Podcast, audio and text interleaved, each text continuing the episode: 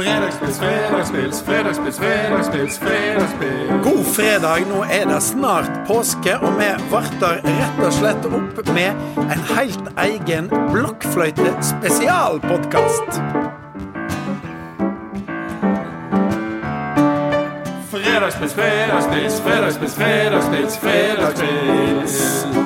Med tre konger. Hjeltnes, Hjeltnes, Hjeltnes. Det er spesial, Uh, Sjur. Ja, og det er ei stor glede å ønske velkommen min kjære venn og kollega Jostein Gundersen. Det, det ble blokkfløyte-spesial eh, nå før påske. Jostein, veldig kjekt å ha deg her. Tusen takk, veldig kjekt å være her. Vi skal eh, naturligvis, siden det snart nærmer seg påske, eh, ha et eh, lite glass øl. Jeg vet ikke hvordan du stiller deg til det å ta et lite glass før du spiller blokkfløyte. Hvordan er det med, i blokkfløytemiljøet? Er det, er det hardt eh, rock'n'roll-liv? Ja, altså uh, Sex, drugs and rock'n'roll og blokkfløyte. Jeg føler at det går uh, Hånd i hånd. hånd, i hånd. Vi har uh, henta til oss en, eh, en øl, eller en, rett og slett en fyrig lager, i, fra eh, Leikanger. Ja. Leikanger er jo da en av kommunesentrene, eh, fylkeskommunesenteret nå i nye Vestland. ja. Og Fyrig lager er da laga etter eh, Det er laga med lokal entusiasme og videreutvikling av over 1000 års vestnorsk heimabryggertradisjoner. Denne her er veldig, veldig, veldig tradisjonsrik og fin, og det passer jo med påsken. Skal du ha en liten slurk? Eh, Knut, tek gjerne Knut eh, må få litt en balder, en fyrig lager, som de har fått til i Leikanger. I Høyanger driver de med aluminium og slikt, og i Sogndal driver de med fotball. Og i Leikanger så driver de med fylkeskommune og øl. Da er det bare å si skål. Det er snart påske. God påske. Ja. Ja, ja, den var veldig god, da. den er eh, veldig god, og den er 5% Ja. Så hvis du skal ha en fyr i lager for Leikanger, så lytter du gå på ei skjenkestove i Sogn, eller gå på Vinmonopolet. Og eh, vi har altså da tenkt å la det rett og slett flyte ut i nasjonen nydelige toner fra instrumentet blokkfløyte. Så da, eh, Jostein eh, Hvordan blir en eh, blokkfløytist? Er det sånn at uh, du er ekstra flink i musikktimene på skolen, og så går det liksom bare oppover derifra? Eller hvordan ble du blokkfløytist? Jeg tror at man blir blokkfløytist litt på samme måte som man blir keeper i fotball. At uh, det er det ingen som har lyst til å være. Men så er det noen som sier at 'ja, men du er så flink til det'. Kom igjen, da. Og så, OK, OK, da. Okay. Så det var litt sånn det begynte. Altså, jeg hadde egentlig pianotimer. Syntes det var utrolig kjedelig. Jeg fikk ikke det til i det hele tatt. Og så ville jeg slutte.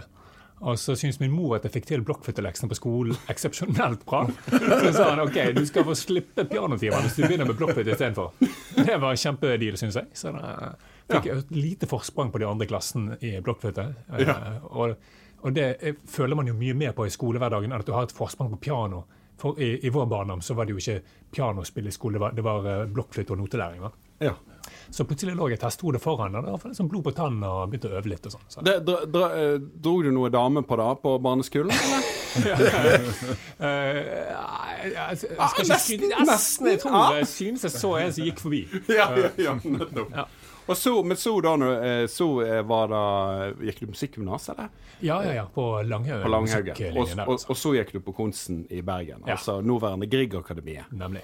Og så måtte du vel òg da reise Det er jo en rik eh, blokkfløytetradisjon nede på kontingenten, som det Ja. heter. ja. Kontingenten, ja. Og da- Kjører vi er- nedover på kontingenten med lastebil. i, i, I tysktalende land så er de jo veldig glad i blokkfløyte, ikke sant? Ja, ja, ja. Så jeg flyttet til Hamburg og studerte her et par år også.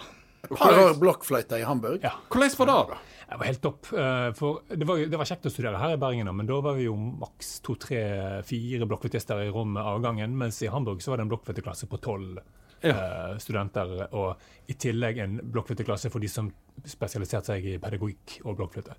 Ja. Så da plutselig var det mange å spille med. og... eh, Nesten så man kunne begynne å dra litt damer, faktisk. Ja, ja, rett og slett. Altså, tyske damer.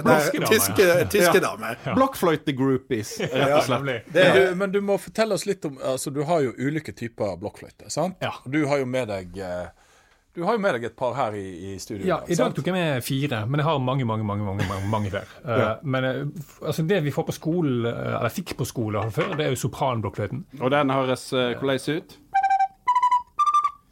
Ja. Um, og så har vi altfløyten, som selvfølgelig er litt dypere, og det er den vanligste fløyten å spille på. Nettopp. Uh, så har jeg tatt med en tenorfløyte. Den er akkurat en oktav dypere enn sopranfløyten. Ja. Det blir større og større. Det blir større og større. Og så har jeg tatt med meg en bassblokkfløyte også.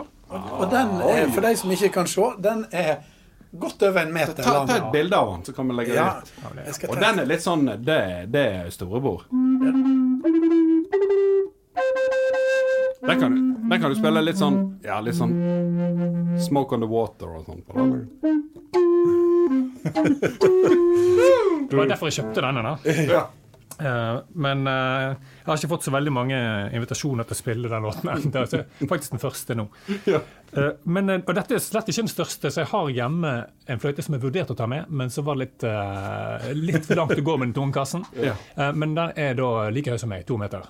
En eh, Så fins det to meter høye ja, det finnes to og en halv meter høy. Den høyeste er to og en halv. Men er det bøy på de da, eller er de i ett stykke? Nei, de lager litt sånn som eh, sånn, De laget litt sånn som uh, kirkeorgelpiper. Ja. At, de, at det er liksom en liten knekk. Knekk på Så toppen. han går Sånn at han blir så lang han til siden, og så går han ned. Sånn Du må stå og spille, da. ja, eh, men den er jo like høy som meg med den knekken, kan Ja. du si. Så egentlig røret er jo lenger enn meg. Ja. Og den går da ned til, for de som kan noter, så går han ned til ikke enstrøket C på piano, ikke lille C, men C-en under D Store C, det er denne. Der.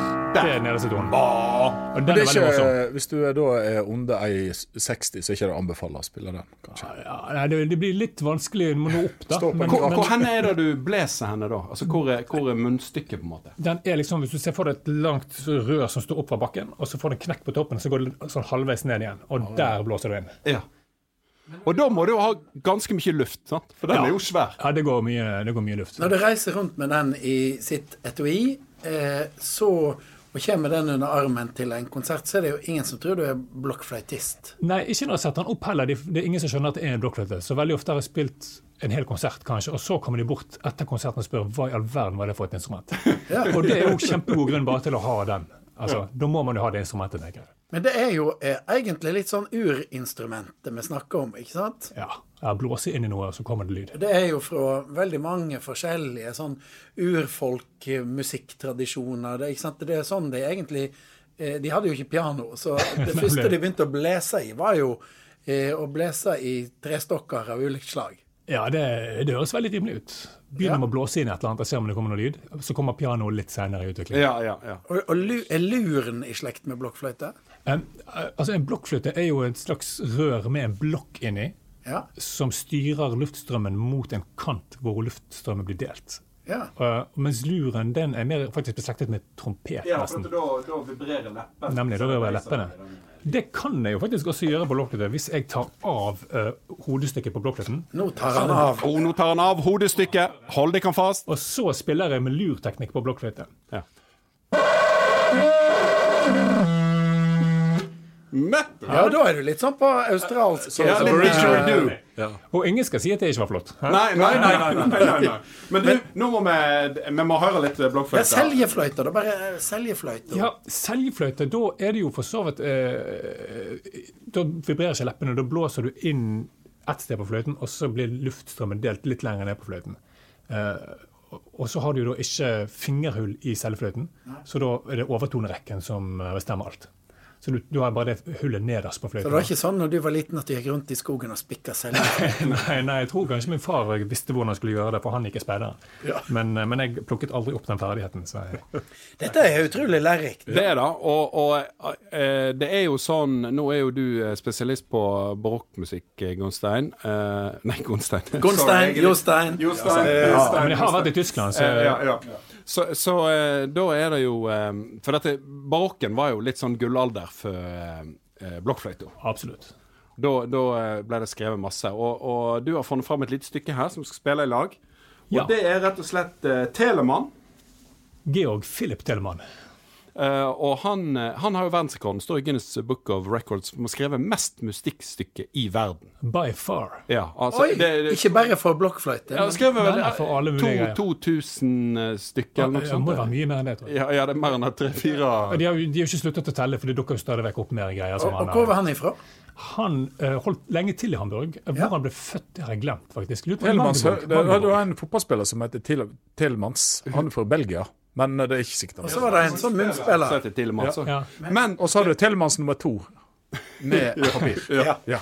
Og så, det, det som er veldig skøy, er jo at Telemann Det var jo en grunn til at han skrev så mye. Ja, altså eh, For han var jo gift med en, eh, som han fant ut, spillegal eh, kvinne. Som satte han i vanvittig gjeld, og så stakk av med en svensk offiser. Så han var jo nødt til å tjene mye mer enn han kunne tjene som sånn kantor og kirkemusiker. og Sånn. Så da måtte han bare begynne å uh, utgi musikk på eget forlag. Ja. Og det gjorde han faktisk sjøl. Altså, han satt og stakk ut notene selv for hånd. helt for å få det trykket. Og så var han veldig smart. For istedenfor å gi ut f.eks. én sonate, her er en sonate med fire satser, vær så god kjøp, så ga han ut en sonate med to satser, og de to neste satsene kommer i neste nummer. En, en fyr som egentlig oppfant eh, abonnementsordninga. Og da drar Når levde denne eh, Tilemann? 1681 til 1767, står det faktisk her er på noten. Ikke verst, altså. En fyr som rett og slett fant opp litt sånn postordresalget. Ja, ja. Og ei dame som spilte på oddsen. Rett og slett. Så det er jo, men det er, jo, det er jo rett og slett sånn at eh, hvis det ikke hadde vært for at hun dama var spillegal, så hadde ikke vi hatt denne fine musikken her. Eh, Et meget godt poeng, så vi takker hun. Og da tar vi altså eh, Da er det først I barokken er det ofte sånn. Det enten så går det veldig rolig, eller så går det veldig fort. Så nå kommer det først eh, bitte litt rolig, og så kommer det litt fort. Ikke sant? Ja, sånn gjør vi det.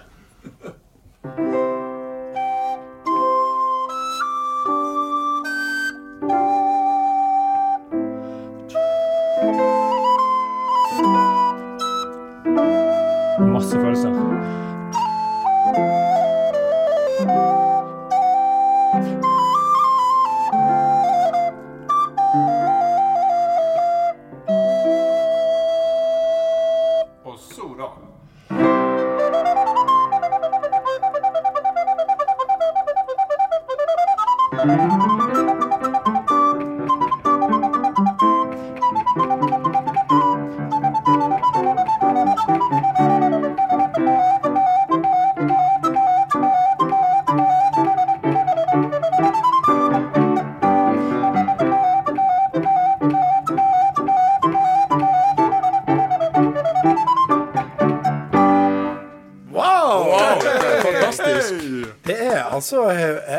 Fantastisk instrument. Absolutt. er Veldig det. enkelt, men veldig komplisert. Og veldig rikt med masse masse forskjellige fløyter å spille på. Altså. Og ganske imponerende etter en liten slurk med le En liten leikanger. eh, leikanger. Ja, Eh, det gikk jo som en en leik. en liten leikanger, en ball der. Men hvor, hvor mange eh, profesjonelle blokkfløytespillere har vi I Norge, mener du? Ja. Eller eh, i dette Ja, i? Norge. I Norge er jo eh, i dette studioet? Nei, det er jo, det er jo flere enn man skulle tro. Eh, Men jeg, kan, jeg kjenner alle, da. Så Ja. det, er ikke, det er ikke flere enn det. Nei. Men eh, jeg har jo uh, en, han som underviste meg på Griegakademiet, som nå er eh, eh, Hva heter det for noe? Instituttstyrer, eller? ikke, bare, ikke bare enn det, han har blitt sånn fakultetsdekan Ja, dekan. ved Frode Thorsen. Ja. Så han er jo min, eh, min mentor. Da. Og så har vi flere gode kolleger i Oslo og en i Trondheim. og ja. og Men sånn, jeg tenker sånn i disse filharmonien og Er det, er det oppsett med blokkfløyte? Nei, altså eh, blokkfløyten eh, fikk aldri plass i det romantiske orkesteret på 1800-tallet. Kanskje litt sånn volumproblematikk der. Ja. Eh, At vi ikke Det var tverrfløyta som kom og tok den plassen. Ja, de gjorde det, altså. Eh, Bestikkelser involvert. Tidligere i et sekund. Ja, det var en skitt- det var et skittent spill. ja, det, ja. Så jeg har bare spilt med orkester noen ganske få ganger, og det har vært sånn hvor de skal spille en barokkopera, og så er det jo ingen i, i et moderne orkester som kan spille blokkfløyte. Den gangen så ville tverrfløytisten eller fagottisten tatt fram en blokkfløyte fra innerlommen og spilt én blokkfløyte av det. Men det, det går ikke lenger. da. Så når moderne orkester spiller eh, barokkmusikk hvor det er én opera, eh, unnskyld, én arie med blokkfløyte i, da må de ringe inn en blokkfløytist. da. Ja, det ringer de deg. Ja, de ringte meg et par ganger. Så har jeg reist til Stavanger og spilt én arie og sittet der en uke. Du, nå står vi her og skulle hatt eh, den der siste. økonomi. Du må komme med en gang. Jeg, jeg husker eh, Jeg var på konsert, faktisk. Det var da når vi var i, i eh, St. Anton. Ja. Eh, I 2001 på ski-VM. Så Ja. hadde jeg et par dager fri, og så reiste jeg til Salzburg og hadde Wienerfilharmoniker. Fikk et sånt siste minutt-billett. Og Da spilte de Posthorn-serenaden til Mozart. Og det er på sånn posthorn, sånn som var på frimerkene Ja. i gamle dager. Uten ventiler. Sånn som du bare spiller som eh, Der du må sette, sette an alle tonene. Og da var det én fyr, da. Så, for at det er to satser der det da er posthornsolo. Og da satt han og venta, så kom satsen hans fram, spilte helt prikkfritt, og så gikk han og satte seg igjen. Og han er jo sikkert sånn Hvis du skal ha posthorn, så ringer du han fyren. You call the posthorn-guy. Men hvor spiller du? Uh, jeg spiller uh, her, for eksempel. Uh, blir stadig vekk ringt ned av uh, vittige brødre med spørsmål om å spille litt blokkfløyte. Og så har jeg mitt eget ensemble som spiller veldig gammel musikk og veldig ny musikk med. Så nå skal vi spille på Borealis-festival om eh, i mars. Ja. Og så med urfremføringer og ja, så en god del ny musikk, en god del gammel musikk. Så det blir skrevet en del ny musikk for blokkfløyte. Ja, det er faktisk mye mer ny musikk enn gammel musikk for blokkfløyte. Til tross for han Tilemann. Til tross for Telemann, for han gjorde en god innsats. Men Ja, ja. det, det, noen har regnet på det og funnet ut at det finnes mer musikk for blokkfløyte etter andre verdenskrig, andre verdenskrig enn før andre verdenskrig. Ja, nettopp. Det ble skikkelig oppsving etter andre verdenskrig. Det tar seg veldig opp. Ja, nettopp. For du blir veldig sånn glad når du hører det. Det er veldig sånn eh, lystig og, og lett. Det er sikkert om mor har prøvd å ringe meg, vi ringer henne seinere. Men det, blir- blir- det er litt sånn eh, Det er litt sånn lett. Ikke sant? Det, de, jeg, jeg tipper at i gamle dager de, de danste til det. Ja, det kunne de sikkert finne på. Og så er det jo fysisk lett å ha med seg, da. Ja. Med mindre det er den store bassfløyten, så, så kan du Så kan du ha den på innvendsen, sånn som du sa. ikke sant? Hvis du vil eh, brife litt på nachspiel. Ja, jeg ofte. Jeg har aldri tatt med damer hjem fra nachspiel eh, på grunn av det Sånn Klokka fire om morgenen så Hei, er det noen som har lyst til å ha litt blokkfløyte? Jo, men du kan jo spille Smoke on the Water, og da blir det god stemning. Jeg, Ja, jeg det tror blir at det. du skal ta med bassblokkfløyte på nachspiel. Ja, det tror det, jeg tror det er det som gjelder. Den er altså. vanvittig tung, men det kommer til å lønne seg. Ja, og den er litt sånn spektakulær, for den tror ikke mange har sett. Nemlig. Ja, det har du helt rett i. At det, det får til det. Men nå skal vi ha ei lite spalte, rett og slett. Gode gamle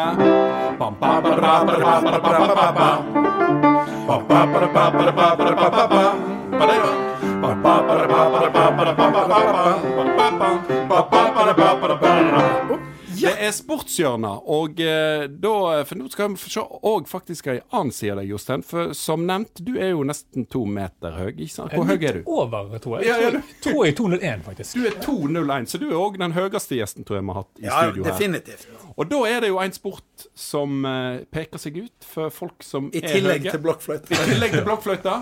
Det, er alltid, det har vel vært en, en god kombo, da. Eh, Blokkfløyte og denne sporten, kanskje. Eh, samme førbokstav, iallfall. Ja. Blokkfløyte og Da kan du jo sjøl gjette når Ja. han er to Og meter. der, riktig, det er basketball. Ja, Og du spilte jo da basketball, du, rett og slett. Ja, I mange år. Jeg begynte i sjette klasse på barneskolen og holdt på helt til jeg flyttet til Hamburg for å studere.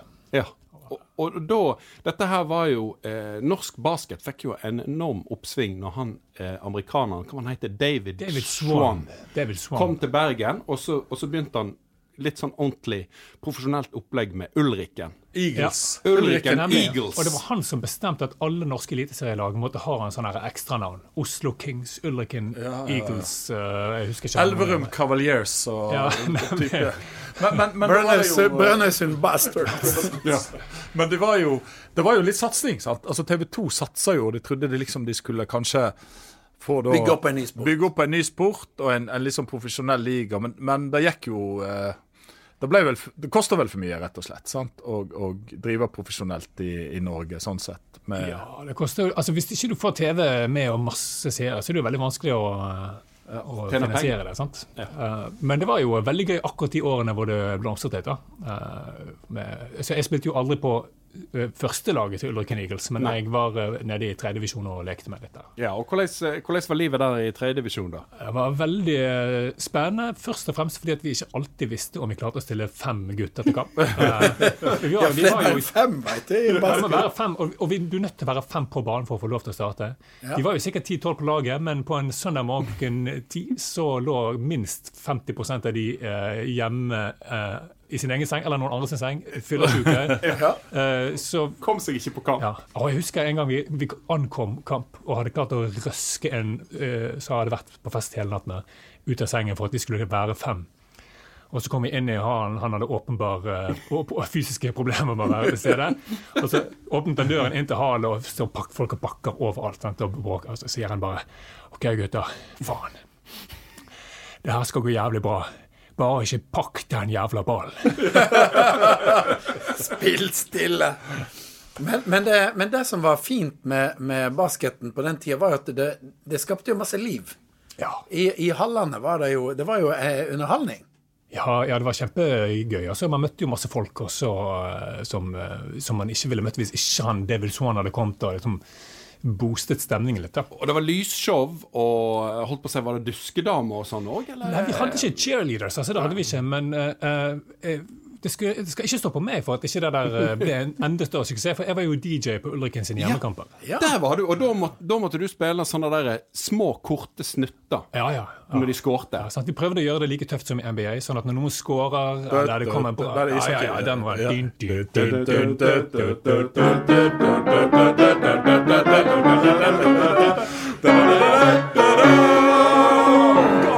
Og akkurat den hadde vi jo ikke på spor. Eh, så vi, vi satt med to CD-spillere med plass til seks CD-er i hver CD-spiller.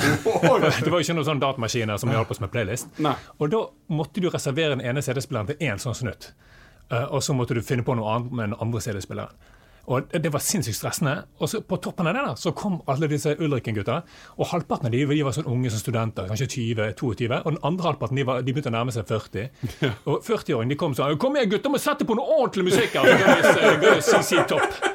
Den skulle de ha. Mens de unge de var Kom igjen, sett på noe Michael Jackson, som var fortsatt eh, ganske trendy. Ganske hip, da. Men du vet, i, eh, altså, i eh, NHL, NHL var det iallfall sånn. Jeg vet ikke om det var sånn i NBA, altså amerikansk profesjonell ligaen. Så hadde de jo egne organister Ja, på da satt jeg og spilte jeg, jeg vet ikke om de hadde det i basketball. Og da satt det jo en og spilte, og så fulgte På hockey hadde de alltid orgel. Ja, orgel, sant? Men, Nok en arbeidsplass som er gått tapt der for organister.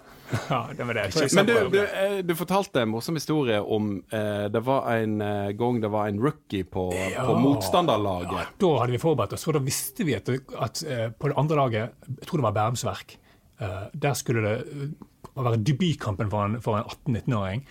Uh, og vi tenkte at ok, han kommer til å bli stresset. Han kommer garantert til å miste ballen rett over sidelinjen uten at noen har presset han. Ja. Så vi bare reserverte den ene CD-spilleren kun til han, uh, med uh, eh, Red Hot Chili Peppers. Give it away now. og, og det tok, vi måtte holde den CD-spilleren av i kanskje ti minutter etter han kom på banen, men så endelig så bare glapp ballen ut puff, over sidelinjen, og vi trykket på play med en gang. Give it away now! Give it away now! Give it away, give it away, give it away! Oh, Kjempeapplaus, altså. Eh, da kan jeg fortelle en liten fun fact at eh, jeg var med og stifta Voss basketballklubb. Eh, for at, eh, vi spilte jo basket eh, Jeg er jo ikke så høy som deg. Da. Jeg, Er det jeg har var det Voss Vipers, eller? Nei, men jeg fikk jo ikke noe sånne tilnavn. Men vi, spilte basket i gymmen, og så begynte vi å spille litt. Så ringte vi til forbundet her i Bergen og så sa de kan starte klubb. Og da spilte vi i femtedivisjon.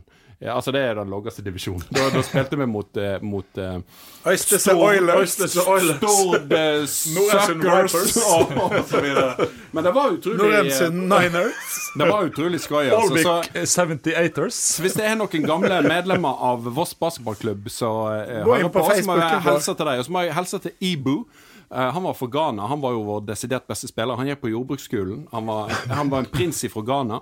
Og nå er han graver på Møllendal, faktisk. Jeg traff han i en begravelse her oppe. Eh, ser helt lik ut. Han var, han var, altså, når vi hadde han på laget, da vant vi alltid. For han var helt rå under korget og sånn. Eh, Finn noen bilder der legg det på Facebook-sida. Ja, eh, vi hadde jo ikke, hadde ikke kamera på den tiden, så jeg tror nesten ingenting er, er, er foreviga. Men det var utrolig bra. Men jeg slutta rett og slett. Vi hadde sånn seminar med en trener fra Bergen, og så viste han fingrene sine. Og da hadde altså alle fingrene på et tidspunkt blitt knekt eller forstua. Og det passer dårlig med blokkfløytespilling. Det Eller passer piano. relativt dårlig. Ja. Jeg knakk aldri noen fingre, men jeg knakk eh, eh, begge armene. eh, ikke samtidig. Først den eh, høyre, så den venstre. Eller Men eh, klarte du eh, Tar du den eh, legendariske, eller den, den som er noe det ultimate basketball? En slam dunk? ja, det klarer du på. Klarer du en slam dunk? Nei, ikke noe mer. Jeg klarte det den gangen. Ja. Men nå eh, er spensten min krympet fra 50 til 15 cm, tenker jeg. Ja. Men da måtte du ha litt fart. Ja, litt fart. Og, altså, mange tror at jeg kanskje bare kan strekke meg litt opp og så legge Ja, det er jo ballen i 201. Men, ja, men, men kurven er jo 365 uh, cm over Så du må hoppe Så du må hoppe litt, selv hvis du er to meter Ja. høy. Ja. Men du har kortere vei å hoppe enn meg. Det har Ja, jeg. ja. Det har jeg. Men du, apropos spenst. Nå må vi ha en liten blokkfløytelåt, tenker jeg. Eh, og- og da uh, tar vi rett og slett eh, med da fingre som er hæla etter diverse basketskader. Så er det jo eh, Er den irsk, den her, eller? Ja, den er irsk. En reel, og En, en, En dans. Og jeg har, jeg har lært at eh, verden er delt i to. Det er de som er irske, og så er det de som ønsker at de var irske. Og jeg er i den andre kategorien. Det er altså en god gammel dans. Så her kommer den. Ikke gammel dans, men en god gammel dans. Og, ah. Ja,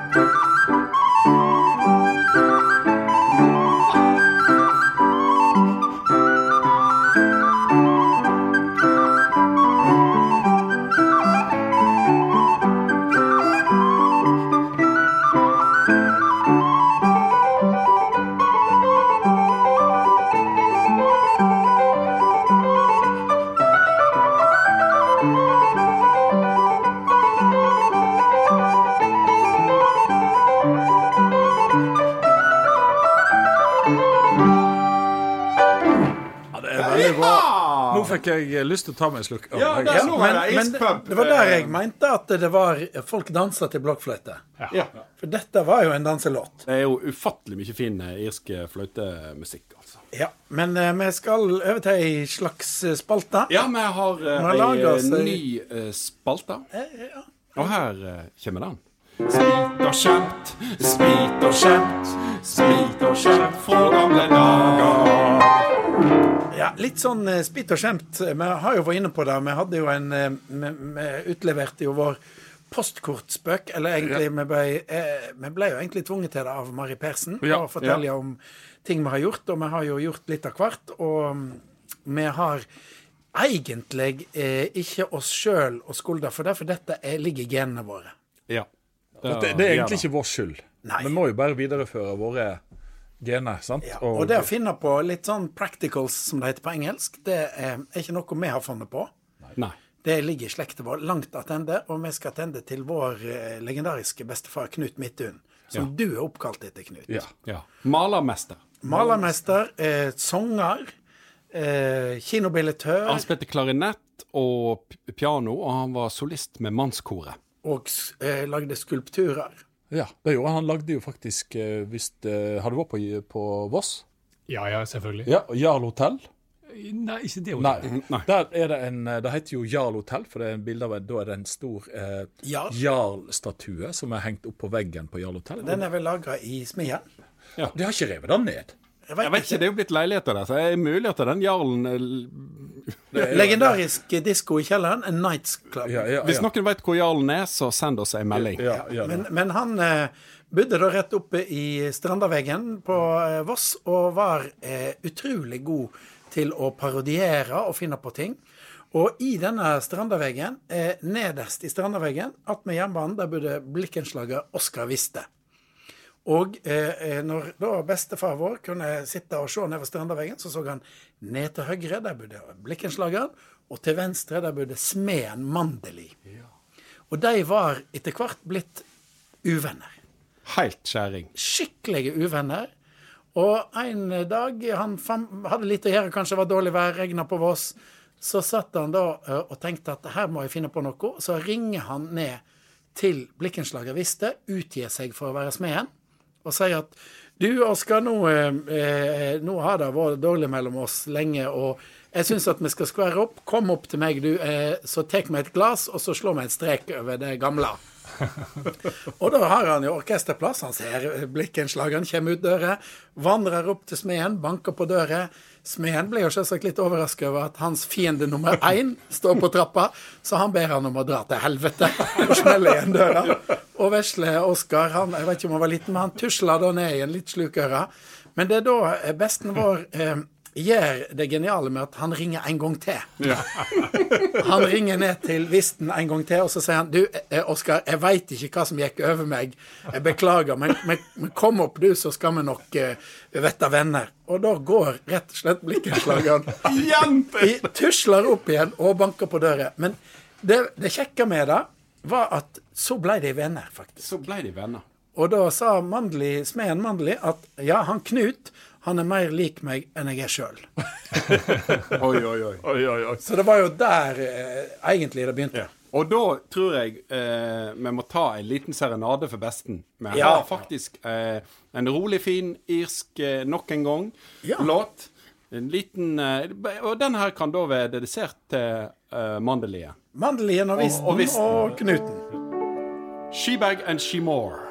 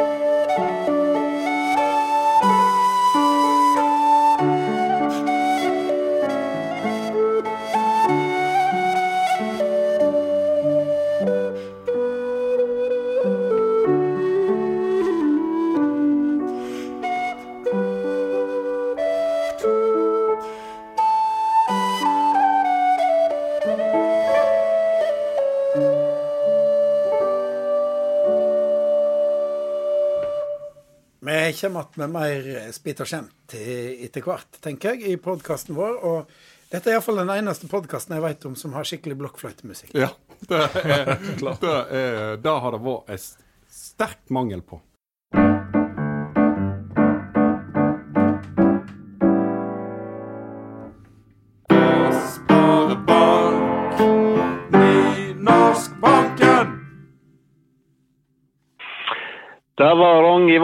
Sparebank. Ja, Dagen, det er han sjøl, ja. Ja, god dag igjen. Ja, det er Tre ganger Hjeltnes-podkasten som eh, Hallo. ringer til vår eminente sponsor. Og eh, vi lurer jo på eh, i dag hva slags penger er det de har? Du, vi har eh, bare Vossa-penger. Lokale penger. Ko- Det er stort sett Det eneste vi får her, er lokale penger. Altså Så, eh, kortreiste penger. kortreiste penger. De er, de er salta røkte for Voss og ligger godt, godt i kjelleren. Det er jo, det er jo noe ekstra med å bruke eh, Vossa-penger. Så hvis eh, folk vil ha en konto hos deg, så er det vel mulig selv om de ikke er fra eh, Voss. Absolutt. Vi er glad i eh, alle som bryr seg om Voss og har hjerte for oss. Eh, så de er hjertelig velkomne. Vi har også penger i, i, i stort monn til, til mangt og mange. Så det er bare å ta kontakt på, eh, på, på nettet eller, eller ringe meg, så skal vi ordne det. Og Vossa-penger de er da altså godkjent valuta i hele verden! Ja. Og de, Det er luk, det. og de lukter ikke, og de er helt eh, supre penger. Og så er det jo det at folk som da er litt opptatt av å bevare nynorsken, de har da en bank som, der du har gått all in, Jørund, på å ta vare på nynorsken sjøl i det vanskelige finansspråket. Ja, eh, faktisk. Det er jo et, eh, en næring som er full av både engelsk og, og ikke minst eh, riksmål, bokmål. Men vi har vi frister å prøve Vi bryr oss om Språket er veldig viktig for oss. Vi vossinger er jo er en del av DNA-en vår, eller egenkapitalen vår, som vi sier i banken. Og eh, Derfor så eh, har vi slått et slag for dette her, og, og lansert da ennå, og vi prøver å være vi klarer ikke alt, men vi prøver å være flinke med å holde på, på nynorsk i, i, i banknæringen. da. Ja. Det er vi glad for. Vi takker deg og ønsker en fin dag i Sparebanken. Takk for det, gutter. God helg og hei, hei.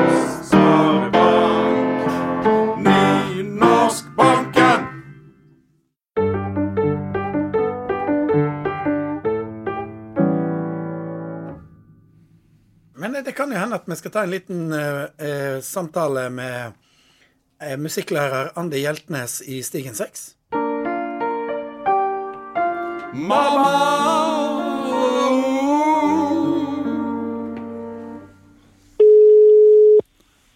Jeg hører høre om hun har spilt blokkfløyte. Det, det har vi snakket om før. Hallo, ja. Hei, du.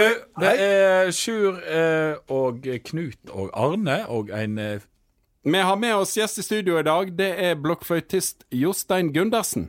Om, eh, vi var nett innom den eh, vesle eh, spøken som far din kjørte på Blikkenslager Viste og Smeden Mandel i. Oh, ja. Vi, vi mener, Ja. mener at vi slekter litt på han. Ja, men det har ikke noe med blokkfløyte å Nei, gjøre. nei. nei. n- Jeg snakker mer om å finne på litt spytt og skjemt og, og finne på litt ting. Ja, ja, ja. De, de hadde en del før seg, ja. Og du veit at eh, jeg, jeg kan jo fortelle en historie, da. Ja. Og det var at eh, far min hadde jo målerverksted, og han, folk elsker å komme innom og stå og prate med han. Han arbeider, og de prater, og han prater igjen. Og så var det en som var begynt å, å måle og lage maleri. Eh, og så sier de til han da at eh, du må sende inn til høstutstillingen. Eh, og, og det fikk han faktisk til å sende inn, jeg vet ikke hvor mange bilder.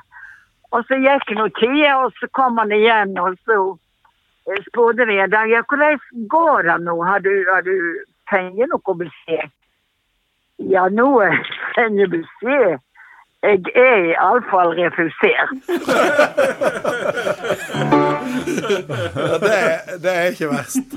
Nei, men det da, men eh, nå er jeg nett leser om, når du snakker om musikk, ja. eh, og, og hvis det til musikere der, så er musikk veldig viktig. Jeg, jeg har lest litt om han John Ruskin.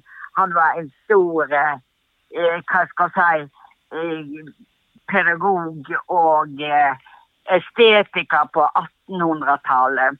Og han sa annet der å tale vakkert med barn, det er viktig.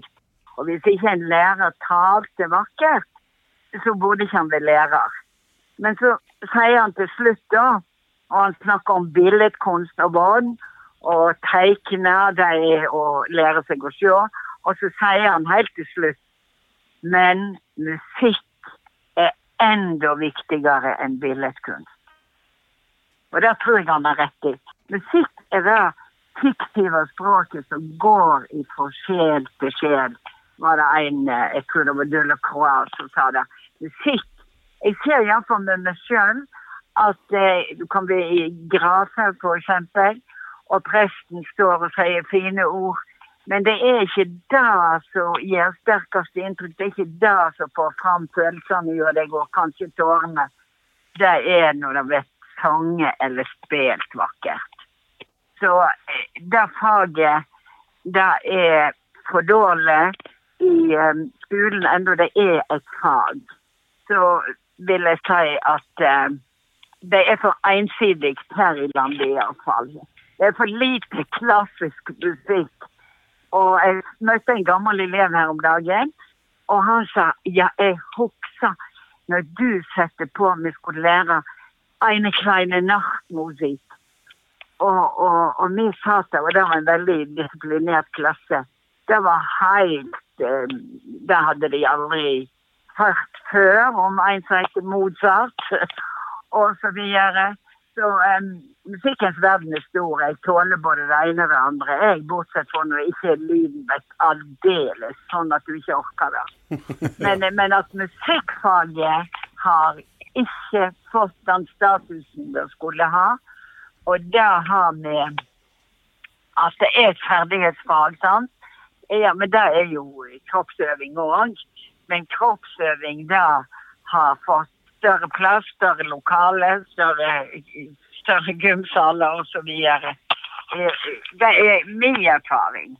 En god oppmåing der. Ja. Altså mer musikk inn i skolen. Kan ikke sies for ofte. Jeg er på vei Ja, til for Voss. det er jo noen som, er fle- som, som har gave der òg, akkurat som det kan være i andre fag. Ja, ja. Og, og, og, og de kunne til og med fått ekstraundervisning, syns jeg.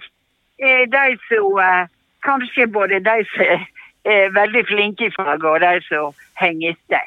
Ja, der det- er det jo ikke Og de som er gode i, i blokkfløyta, burde òg fått ekstraundervisning. Jeg gleder meg til å høre den blokkfløyta. Det er et veldig bra instrument når, når, når de kan det. Og det, det, det var jo et veldig greit instrument og billig og alt det. Men å lære 25 stykker, det er omtrent eh, Ja, det er vanskelig å få alle med der. Omtrent så å få de med i lesing, det var greit. Men, men å, å få alle med i blokkfløyte, det var ikke fullt så rett.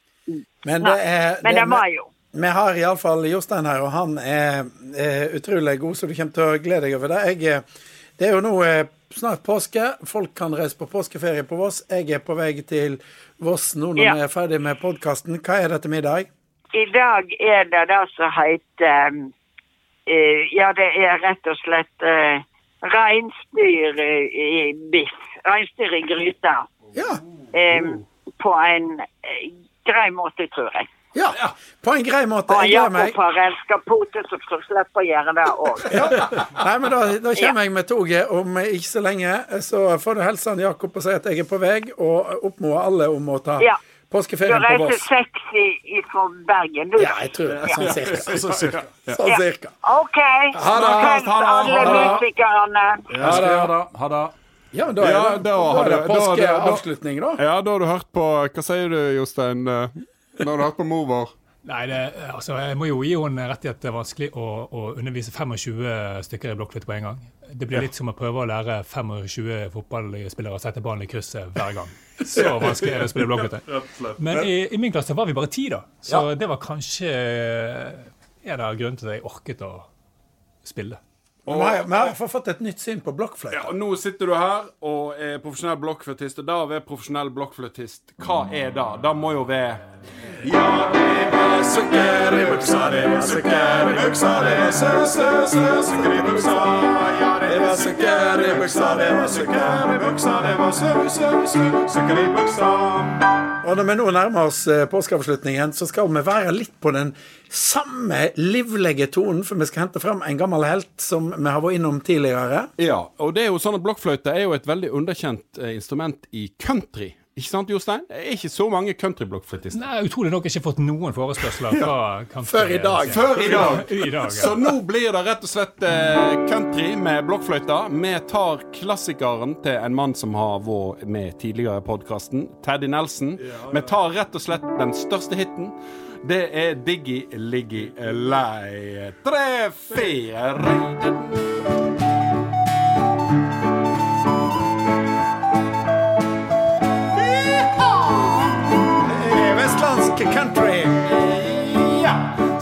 sommeren er kommet og gresset er grønt.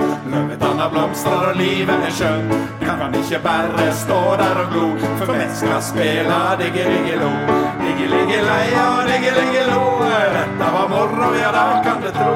Jeg kan ikke klare å styre meg nå, for vi skal spille digge-ligge-lo. OK, Arne, take it away. Hun Guri Elia er dårlig til beins, og mannen han Ola han er like eins. De klarer ikke å sitte i ro, men nå skal vi spille digge-ligge-lo. Digge-ligge-lei og digge-ligge-lo. Ja, dette var moro, ja da kan du tro.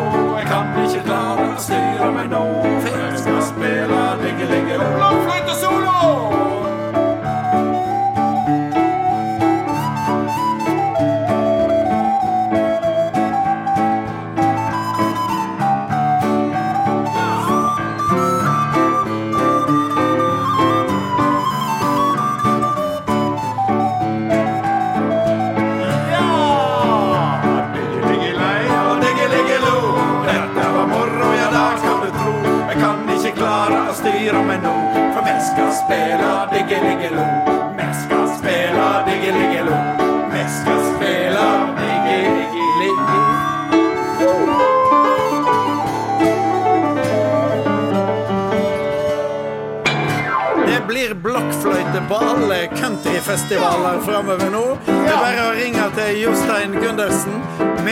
Vi ønsker god påske ifra Havnelageret Studio i Bergen.